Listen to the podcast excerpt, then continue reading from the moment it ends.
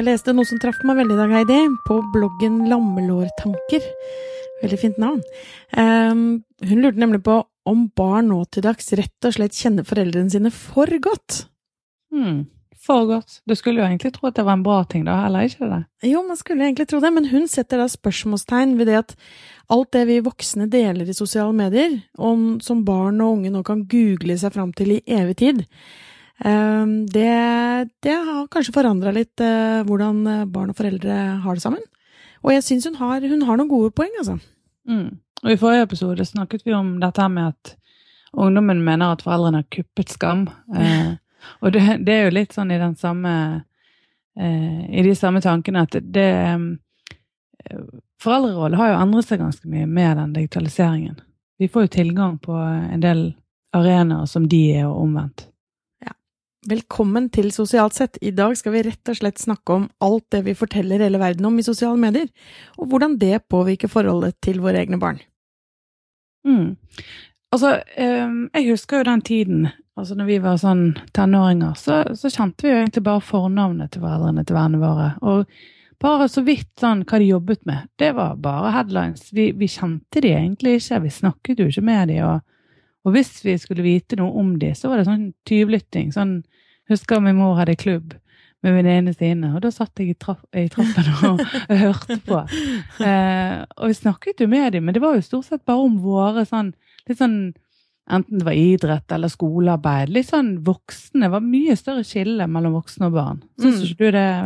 Jo, definitivt. Og jeg husker at det var liksom noen av vennene våre som eh, som hadde foreldre som vi snakket litt mer med, og de var mm. liksom plutselig veldig kule. At de mm. faktisk gadd å ta seg tid til det. Men, eh, og liksom, jeg tenker på at hvis noen hadde spurt meg nå om hvordan foreldrene mine sitt liv, hva de var opptatt av i min barndom, mm. så ville jeg jo nesten sagt at de, de hadde jo nesten ikke noe liv. Mm. Det var liksom jobb og oss ungene og huset. Mm. Fordi det var liksom, det var ikke så mye kontakt med venner utenom en sånn fest i ny og ne, og de trente ikke, eller de gjorde ikke noe sammen som par. Jeg kan ikke huske at mine foreldre noensinne liksom har dratt på en date. Eller ikke sånn, date, nei. nei som voksentid. Mm. Uh, så jeg, jeg, håper jo egentlig at ikke livet deres var så stusslig. Jeg tror nok kanskje mm. ikke det var det. Uh, men jeg burde kanskje spørre dem. Men jeg, jeg, tror kanskje, som du sa, at det er, handler om at uh, det var mye, mye større skille mellom barn og voksne, og hvis barn og voksne snakket sammen, så var det eh, om disse praktiske tingene mm. og alt dette her. Og så eh, vi, Barna skulle jo ikke mene så mye om eh, de voksnes liv. Mm. Ja, og så tror jeg det er sånn som du sier, at i utgangspunktet, det de hadde av um, aktiviteter i sitt liv. Eh, for det, det, må jo vi tro at de hadde. vi får håpe. At, ja, de hadde nok det. Eh, og de gikk jo gjennom eh, positivt og negativt, og, og, hadde sikkert sine venner og sine samtalepartnere. Og det er jo bra at ikke det er barna. Og det er jo det som kanskje er den største forskjellen nå. At nå er mange av disse samtale ut i det offentlige. Altså Det kommer mange sånne offentlige betroelser. Mm. Altså, det kan være skilsmisse eller forelskelse etter skilsmisse med nye partnere.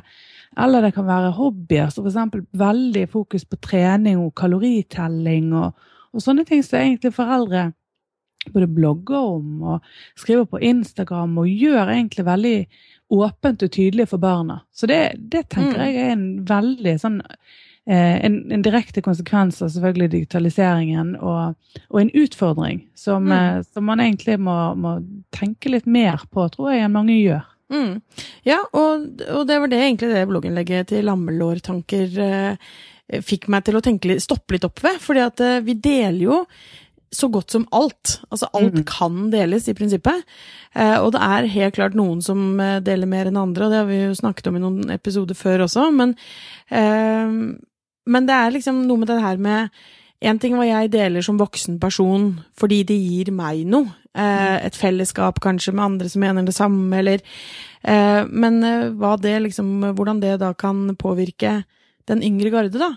Mm. Det er jo masse ja, Jeg tror ikke det er alltid sånn én og én ting vi deler som er så store ting, men jeg tror ofte at det er summen av det. For vi ja. deler i mange kanaler, og vi deler gjerne sånn semipersonlige ting, men setter du det sammen, så er det egentlig et puslespill som, som viser ganske mye av menneskers liv. Mm. Og det er òg kanskje sånn som vi glemmer, fordi vi har masse sånn fragmentert eh, informasjon som vi slipper. Eh, sånn litt og litt og litt. Sånn at hvis, hvis jeg hadde ønsket å, og, granske, og noen ganger gjør vi det litt, sant? vi spionerer på hverandre, eller om det er mm. nye Ja, enten det er noe sånn eh, En eller annen ny i vennegjengen, eller et eller annet sånn mm. Eh, eh, en som kommer inn og ut, eller sånn, så, så, sjekker man opp litt. Og det er jo forbausende hvor mye du finner. Ja, jo, ja. Og en ja. ting er jo liksom sånn som du sier med disse eh, små tingene som man eh, kan dele, slippe et lite hint her eller et lite hint der.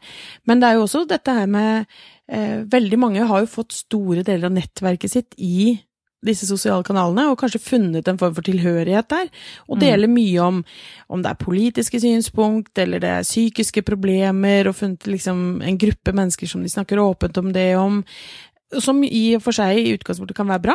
Mm. Eh, seksuelle preferanser, altså det er liksom så mm. mye informasjon der ute du finner om ulike personer, da. Og da er kanskje vi er rett og slett for ukritiske til hva vi deler. Mm. Og så tror jeg at eh, en god del av disse her, eh, som er aktive på sånn Kvinneguiden, ja. de skal, de skal være veldig glad for at de er anonyme. Uh, men der òg, det går jo an å finne ut ganske mye. Og jeg tror det er mange som blir litt sånn varme i trøyene, som ikke bryr seg så veldig mye lenger. Mm. Og det er jo en helt annen uh, Altså nå er folk så vant til både nett og alle disse kanalene at man er jo ikke så forsiktige lenger. Og så er jo det greit å, å Eh, at det, sant, som vi har snakket om tidligere, at dette her er virtuelle livet. Eh, sant, altså eh, Livet vårt på internett, rett og slett, det er jo vevd sammen med, med livet for øvrig, så det er ingen kilder. Eh, og det, det, Jeg tror kanskje det går nesten fortere enn en fornuften klarer å følge etter. Det er litt sånn. Ja, det kan godt hende. Altså, jeg tror at derfor er det fornuftig at man tar noen sånne statusoppdateringer i ny og ne. Mm. Eh, som da Altså ikke på Facebook? Nei, nei. For seg selv. At man liksom Ok, jeg har, er jeg bevisst alt jeg gjør? Mm. Kan jo være litt fornuftig å tenke, tenke gjennom. Mm.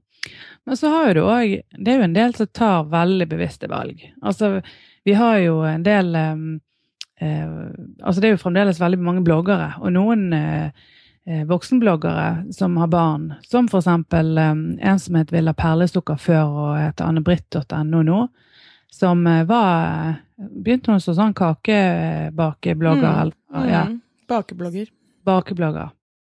Jeg følte ikke sånn veldig mye med, men han har bare sett at hun har vært ganske godt besøkt og, og har vært en, en, kommersiell aktør etter hvert. Og så hadde hun et sånn, helt sånn taktskifte her for et år eller to siden. Kanskje mm. er lenger siden. Men da ble jeg litt sånn bevisst på, for hun var omtalt eh, et par steder. Og, og det var sånn Nettavisen gjerne kunne eh, skrive litt om eh, noe av det som hun hadde skrevet og sånn. Um, og hun, hun, har tatt et veldig bevisst valg om at hun skal bruke sitt liv og sine erfaringer og, og rett og slett bare skrive masse om det. Skrive av seg. Og det ser jo nesten ut som det er litt sånn terapeutisk, terapeutisk innimellom, at hun skriver det rett og slett av seg. Men, men der òg eh, lurer jeg på hvordan det er for omgivelsene. og og for hun og for barna på sikt. Ikke bare akkurat her og nå, men, men fremover. For hun deler jo veldig mye. Mm, hun gjør det. Ja, hun, ja, hun uh, har fulgt henne en stund, og uh, jeg, hun er vel ikke alene heller om å gå den retningen. Jeg syns stadig flere bloggere går fra å ha på en måte Fotballfrua heter nå Caroline Berge Eriksen. Mm. Eh, ikke sant, Villa Perlesukker, Anne Britt. De går til å bli mer og mer personlige. Og eh, bruke navnet og liksom tydeliggjøre hvem de er. Og at de kan da åpne opp for å snakke om mer enn bare det temaet som de kanskje startet bloggen med. Tror ikke du det handler litt om bare klikk òg? Altså, helt ærlig, jeg tror mye av det der eh, Det er noe med at eh, det er det som eh, Det, det er jo disse her, denne kikkementaliteten og dette sånn reality-konseptet som vi aldri blir ferdig med. Jo, jo, du mener hva de altså, deler, altså, ja. Ja, ja sant, At de gjør det fordi de mm. vet at de får god respons på det. De har vel de har vel hatt, enten det er kakeblogg eller hva, hva, det er, så har de de få personlige innleggene de har hatt innimellom, har de sikkert hatt kjemperespons på. Så tenker mm. de ja, men ok, da gjør vi mer av det, for da blir mm. bloggen enda mer populær og enda større.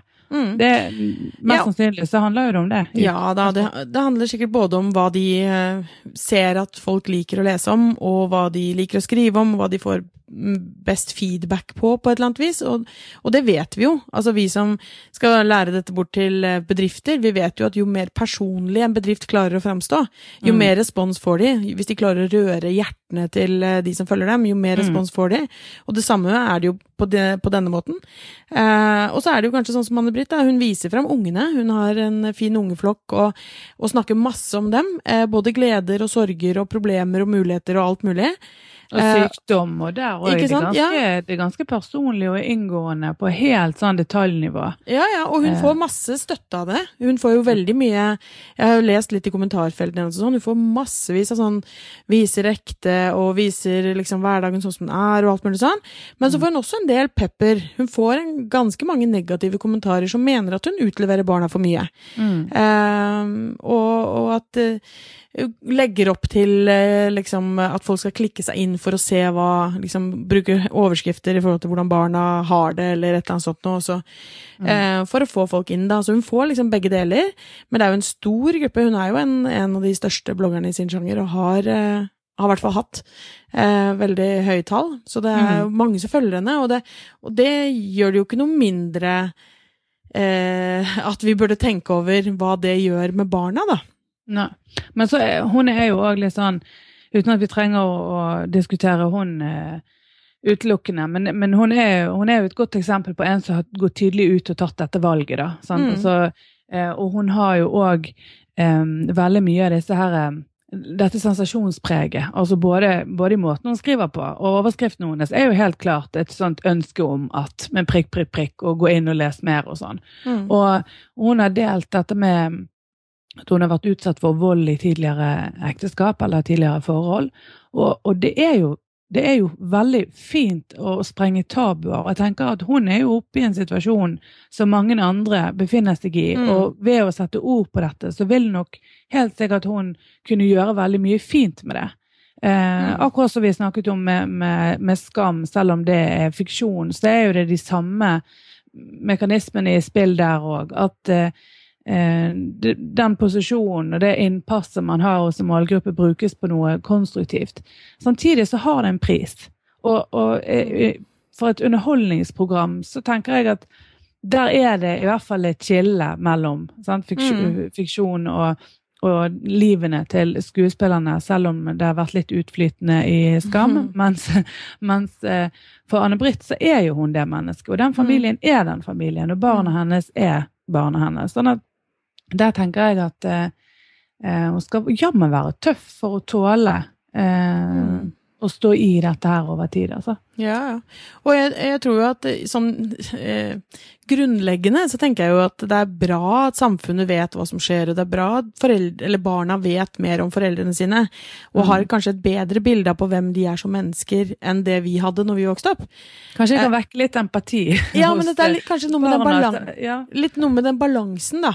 At vi mm. må liksom eh, det er, det er, en sånn knivsegg hele tiden som man må balansere og havne på riktig side av, sånn at det ikke går mm. på bekostning av barna og, eller omgivelsene våre, da. Eh, mm. Med det vi, eh, det vi, deler, det vi har lyst til å få fram fordi vi skal få ut et bilde på Instagram, eller vi skal lage det blogginnlegget, eller og så er det faktisk greit at folk vet det som kanskje ikke vi visste når de var små. Det er det at foreldre er mennesker, de òg. Altså, ja, men veldig sånn enkelt så, så, tror jeg at mange barn ser på foreldre som providers. Altså de får mat, og de får klær, og de blir fulgt opp, og de blir kjørt, og de blir Altså alle disse her praktiske tingene. Men, men hvis du deler noe om hva dine ønsker og dine behov og dine interesser i livet og, og dine egenskaper eh, helst med en samtale og mange samtaler med barn og felles aktiviteter med barna, men, men kanskje det er en det er en, eh, en, bonus med at uh, foreldre deler mer, i, også i sosiale medier. Ja, jeg tror det. At både det at du på et eller annet vis får et riktigere bilde, eh, ja. som også inneholder feil, som du sier. fordi det, det er jo faktisk viktig. At mm. man kan som barn tenker jeg, kan se at vet du hva, det, det har skjedd eh, kjipe ting med med oss, men vi har klart oss allikevel, eller at vi har taklet en mm. situasjon sånn, eller dette, ikke sant. Det tror jeg nok bare er sunt. Eh, og så må vi bare passe på at vi at, Ja, at det blir eh, At vi klarer å balansere det på et vis. Mm. Jeg har jo òg sett um, en del ganske stygge eksempler på de som overhodet ikke um, klarer å balansere det. Altså, jeg har jo jobbet uh, mange år i barnevernstjenesten. Mm. Uh, og sett at um, både barnefordelingssaker og for så vidt uh, saker som er ganske utfordrende i forhold til omsorgsutøvelse, altså der, der det går over i en omsorgsovertakelse. Der der foreldre blogger og deler alt. Men de deler jo ofte akkurat den samme informasjonen ansikt til ansikt med barna sine òg, så de er jo mm. gjerne ukritiske i utgangspunktet. Mm. Men effektene blir så mye verre og så mye større for omgivelsene når de også deler dette her veldig sensitivt materiale. Eh, ingen hensyn til personvern, verken for barn eller for seg sjøl eller for andre rundt. Og internett gir da en plattform eh, som er ja, det sprer, det sprer, så fort, og det blir så store, mye, mye større skadevirkninger eh, når man har disse plattformene, da. Mm. Ja, og det er jo Altså, da når du bryter personvern, så er det jo eh, og, og deler så ukritisk, så er det jo helt klart riv ruskende gærent. Um, og vi ser jo også at uh, andre offentlige etater uh, bruker mye av informasjonen som vi voksne deler med oss i sosiale medier. Mm. Uh, Nav, eksempel, som skal inn og som skal gjøre research på om en person har eh, arbeidskapasitet, eksempel, mm. eller ikke. Hvis du har veldig lange, fine ferieturer og deler det på Facebook, og, mm. eller er aktiv på ditt og datt og gjør masse gøy, så ja, da, da vil de ta det opp. Det har vi sett mm. massevis av eksempler på. Um, og det er jo det, ja. Nei, kjør på. Mhm.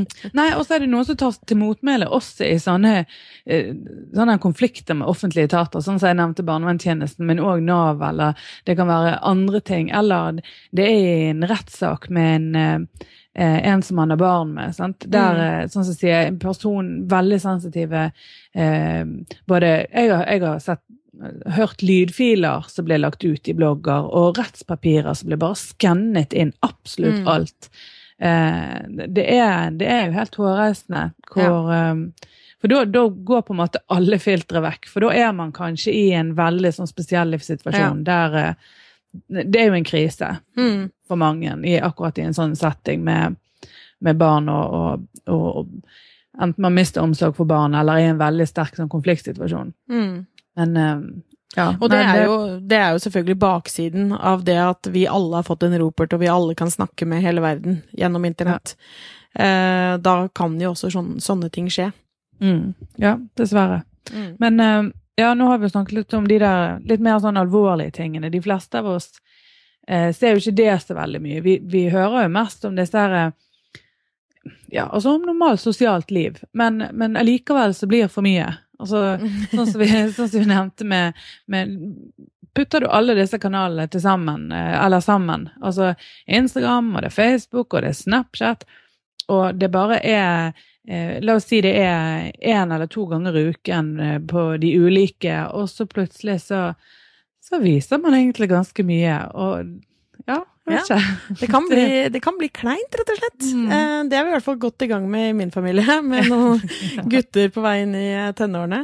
Mm. Eh, det er jo uten tvil det er det at barna får se mye av det som er det voksnes liv mm. gjennom disse kanalene her, som vi kanskje kanskje ikke vil ha barna alltid top of mind når vi deler det, men mm. at innholdet allikevel er tilgjengelig for dem.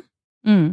Så er det jo sånn at uh, på en sånn viss aldersperiode så er jo det flaut uansett hva man gjør. da, Så, så vi, er jo, vi egentlig dømt til å tape uansett hva vi gjør. Og her sitter vi og podkaster, vi bare ja. topper hele driten med Må virkelig gjøre det pinlig. Men uh, ja. Nei, men altså uansett så får jo barna bare se en mye større del av, av våre liv, voksnes liv. Mm, det, men det er jo sånn som du sa med eh, at de får se de tingene som i utgangspunktet er normalt, da. Mm. Eh, som allikevel liksom kan bli feil eller kleint eller uh, rart for barn å ta liksom Vite veldig mye om at mamma er veldig interessert i sånn og sånn og sånne ting, eller uh, plutselig blir veldig sånn treningsnarkoman, hun skal bare liksom Hvis, hvis man som mor deler sånn Sånn blir du superfit på fire dager, eller bare Altså, ikke sant, så, så er jo det signal Eller følger med på Paradise Hotel og skriver et eller annet sånt. Veldig engasjert. Eller er et nettroll, herregud, i alle disse kommentarfeltene. Uff, ja. Men det er, sant, de, de, inntrykkene der sitter jo igjen hos barna. Mm, ja, det gjør det. Eller men, kan gjøre det, i hvert fall. Ja. Men, men eh, et annet paradoks, det, det, er jo òg det at vi blir jo eldre og eldre når vi får barn nå. Altså, Gjennomsnittsalderen for førstegangsforeldre blir høyere og høyere. Men vi oppfører oss som vi skulle vært mye yngre. ja. Eh, sånn at når vi ser tilbake, sånn som min mor, hun fikk vel meg når hun var 23. Eh, mens jeg så jo på hun som en voksen på alle mulige måter. Mens jeg var eldre når jeg fikk mine barn, og jeg føler jo meg utrolig ung og fresh og oppdatert og helt superkul, og selvfølgelig kan du følge med på alt jeg vil, og det er jo ingenting som jeg er for gammel for. Nei. Er det ikke rart at de der grensene de flytter seg hele tiden? det, det, er ikke det at vi blir eldre, det er bare at grensene Vi bare dytter, tvinger de grensene mm. foran oss hele veien. Men jeg tror jo litt at synet på alder òg har endret seg. Altså Det mm. ser jo du bare på liksom, dette her er kjønnhets Eh, eh, eller hva man skal kalle det. At eh, alderdom er på en måte ikke så akseptert, eller vi er, vi er annerledes i den aldersgruppen som vi før eh, forbandt med noe annet. Det Ja, altså vi, mm. vi lever som unge voksne litt lenger, og som eh, som middelaldrende en, altså, jeg, jeg, tror mm. alt har forskjøvet seg litt. Grann, da. Ja, og så sier vi at vi bare som uh, generasjoner altså vi blir bare eldre og eldre. Vi lever lenger og lenger òg. Så ja, det er klart at vi, da dytter vi disse grensene foran oss og pakker mer inn i livene våre, da. Mm.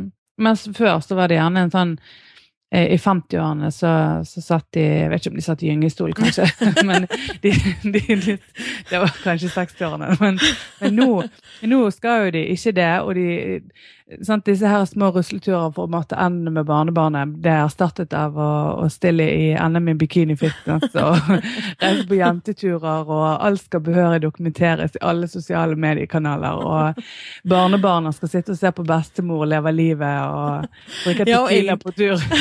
og egentlig så tror jeg nesten ikke at 50-åringer de har vel ikke barnebarn, for vi får jo barn bare senere og senere. Mm. Men, og jeg liker jo at folk fyller eh, livene sine og er aktive og langt inn i disse gamlisårene, som jeg jo kaller mine, mine foreldre. Og da følger det jo med, da, at de også blir mer og mer og mer aktive i disse sosiale mediene. Mm. Og det er jo hyggelig òg, da. Altså, sant? Nå ser vi jo Én eh, ting er på oss, og eh, vi er jo veldig unge, i hvert fall litt. Men å se på de generasjonen over oss, de er jo ganske nye med dette, så det blir jo veldig artig å se eh, om en generasjon igjen. Eh, for da har jo vi, vi har jo levd med dette mye lenger. Vi har jo tross mm. alt eh, hatt hele vår unge voksne tid med internett. Mm. Sånn, så, så, det vil jo Jeg tror det vil skje ganske mye eh, på de årene, og man venner seg til det. Og jeg vet ikke om den deler det delebehovet, om det blir større, eller om det stabiliserer seg, eller om det blir mindre. Sant? For der har jo vært masse diskusjoner. Kommer det motreaksjon? Alt er nytt og spennende. Altså, det, det, er veldig mye som kan skje. Mm. Eh, Absolutt, og, det, og, men dette er med at vi deler mye som barna våre kan se. Eh, vi ser jo også på den foreldregenerasjonen vår. Eh, mm.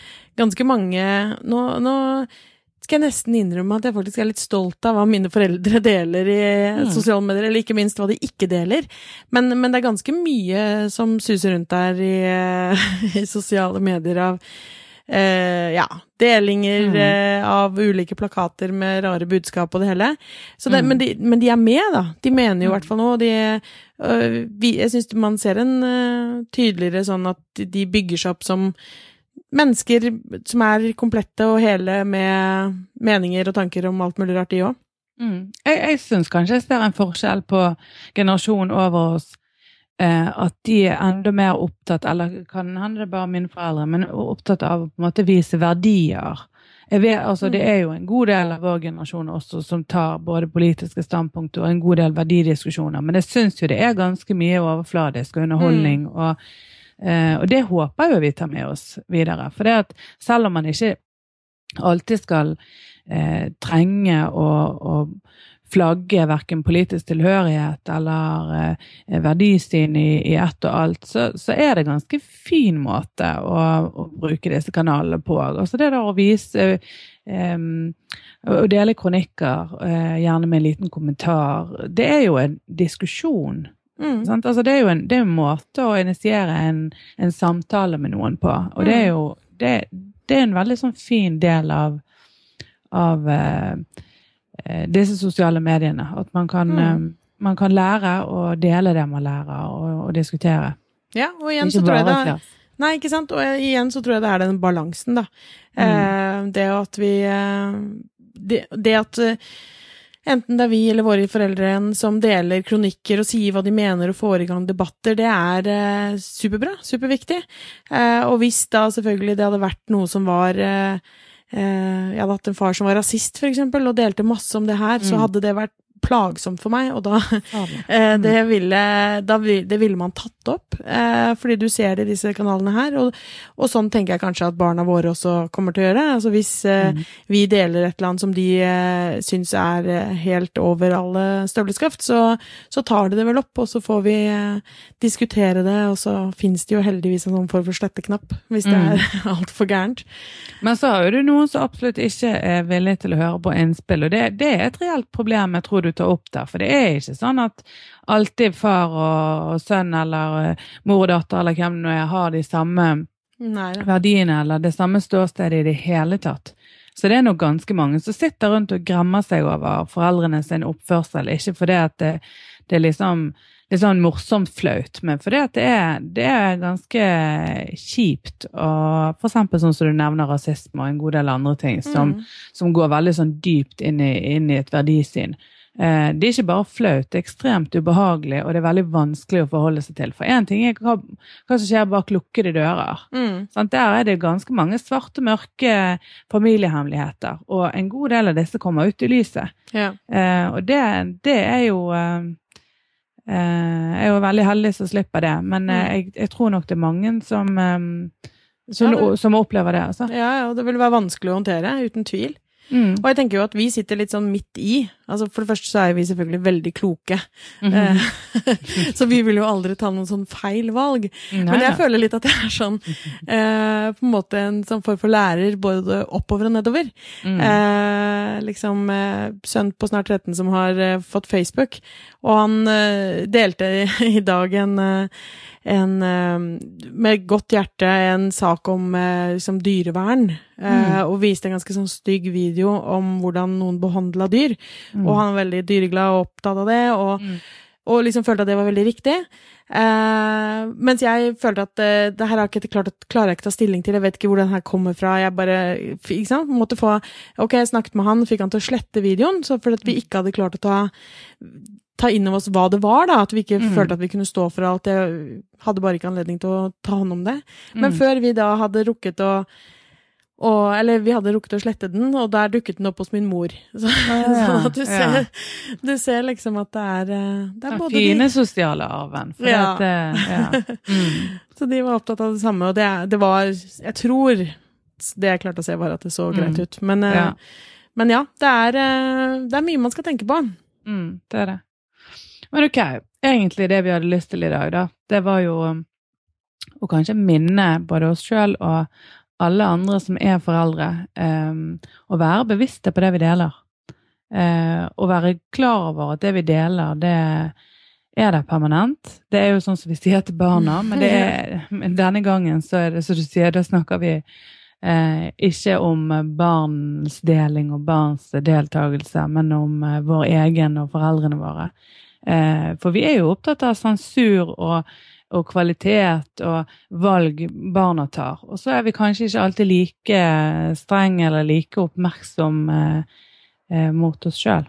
Nei, det var det. Og så jeg tror også det kanskje siste punktet vi skal minne folk om, det var nettopp det du sa med at det vi kommuniserer er så fragmentert. Vi gjør det på så mm. mange forskjellige flater, men det totale bildet av oss skal vi kanskje være litt bevisst på hva vi eh, etterlater oss av inntrykk. Mm. Mm. Men du, vi har jo eh, faktisk eh, fått et nytt lytterspørsmål. Ja, det er ja. Det er veldig gøy. Kristina Grå Berger eh, har spurt oss på Twitter, CBSHA på Twitter, hva mener dere fremtidens ledere bør gjøre for å henge med i svingene i det som skjer i sosiale mediekanaler? Mm. Ja, det liker jeg. Um, for det første så må jo de henge med. Det er jo, veldig, det, er jo det, aller viktigste. For det er jo sånn som vi snakker om til, til kundene våre. Veldig ofte snakker vi med markedssjefer og ikke, eh, ikke den aller øverste lederen. Eh, det er utrolig viktig at det er forankret i eh, toppen, og at man eh, skjønner hva som foregår, og at selvfølgelig budsjettene står i stil med den satsingen man gjerne har på en tilstedeværelse i sosiale medier. Um, og jeg, er, jeg, tenker jo kanskje at det, det, viktigste er at en leder har lyst til å henge med i svingene. Mm. Altså at det er en Eller eh, kanskje ikke nødvendigvis for seg selv, men at du øh, skjønner at det er noe som man bør Noen i organisasjonen din bør eh, ha koll på hva dette handler om. Mm. Og så eh, trenger jo ikke leder å kunne alt sjøl. Det å få Nei, det gode folk. Altså, mm. hvis, du, hvis du bare leder og innser at ok, nå er digitaliseringen er faktum. Det er ikke i morgen, det er ikke over i morgen. Det var i går, og det var mm. lenge før det. Og toget går. Det er ikke, det er ikke, det er ikke noe å lure på. Eh, men selvfølgelig må man ha kvalifiserte eh, ressurser til å kunne jobbe med det. For det, skal være eh, helhetlig. Og, og, kvalitet er veldig viktig. Og man mm. får rette folk til å gjøre det, og faktisk satse på det. Det mm. Det ja, og, det, og det kommer litt an på leder på hvilket nivå. ikke sant? Altså Er det en toppleder i en svær organisasjon, eller er det en, en mellomleder i en mindre? Mm. Eh, men jeg tenker jo at det som For å, for å henge med i svingene, så, så, gjelder det bare å, å teste og prøve og, og, satse på det. Og ikke tenke at det er en, noe nytt, eller noe som eh, vi en vakker dag skal lære oss, men at vi bare må kaste oss ut i det og prøve og feile eh, melde oss på i grupper der vi kan lære noe. Mm. Enten ved at vi ansetter folk under oss som kan eh, ta ansvaret, eh, mm. dedikere, som du sier, budsjetter og tid, eller at eh, vi tar en del av det selv. At vi mm. kanskje begynner å tenke når, uansett om det gjelder kommunikasjon eller reklamekampanjer, at vi liksom, dette blir en integrert del av det. Mm. Og så en aller siste ting som jeg vil føye til. Det er det der med å være eh, engasjert og positive. For jeg syns veldig ofte at hele satsingen og hele kvaliteten og stemningen og alt, både alt fra workshops til strategijobbing og eh, fortløpende når man er i gang med en satsing hvis, hvis, hvis, jeg ser at, at det er glede og positivitet, og man ser muligheter, så blir det så mm. ekstremt mye bedre enn hvis man føler at dette er noe man må gjøre. Og så mm. blir det litt sånn Uh, det, det, er et stressmoment fordi man er i gang med noe man kanskje ikke egentlig har lyst til. Så det er å se alle mulighetene som er der, mm. sånn at det faktisk er gøy. Det er banalt, men det er helt sant. Ja, det er viktig. Entusiasme er alltid viktig. Mm, Vi må ha passion. Det er det. Mm, passion. Ja, passion er viktig. Ja, det er det. Men du, da tror jeg vi skal runde av for i dag, Heidi. Mm så uh, syns vi det er veldig kjekt. Uh, det sier vi alltid, men uh, det er så viktig og kjekt for oss hvis dere går inn på iTunes og rater oss. skriver en liten kommentar eller noen stjerner. og gjerne følger oss og snakker med oss i sosiale medier. Ja, det er alltid veldig gøy. Det er veldig gøy å se når dere snapper oss når dere er ute og løper med oss på øret eller noe sånt. Føler mm. at vi er med. Det er veldig stas. Ja, veldig, veldig kjekt. Men da tror jeg vi sier takk for i dag. Mm, takk for deg. Ha det bra. Ha det.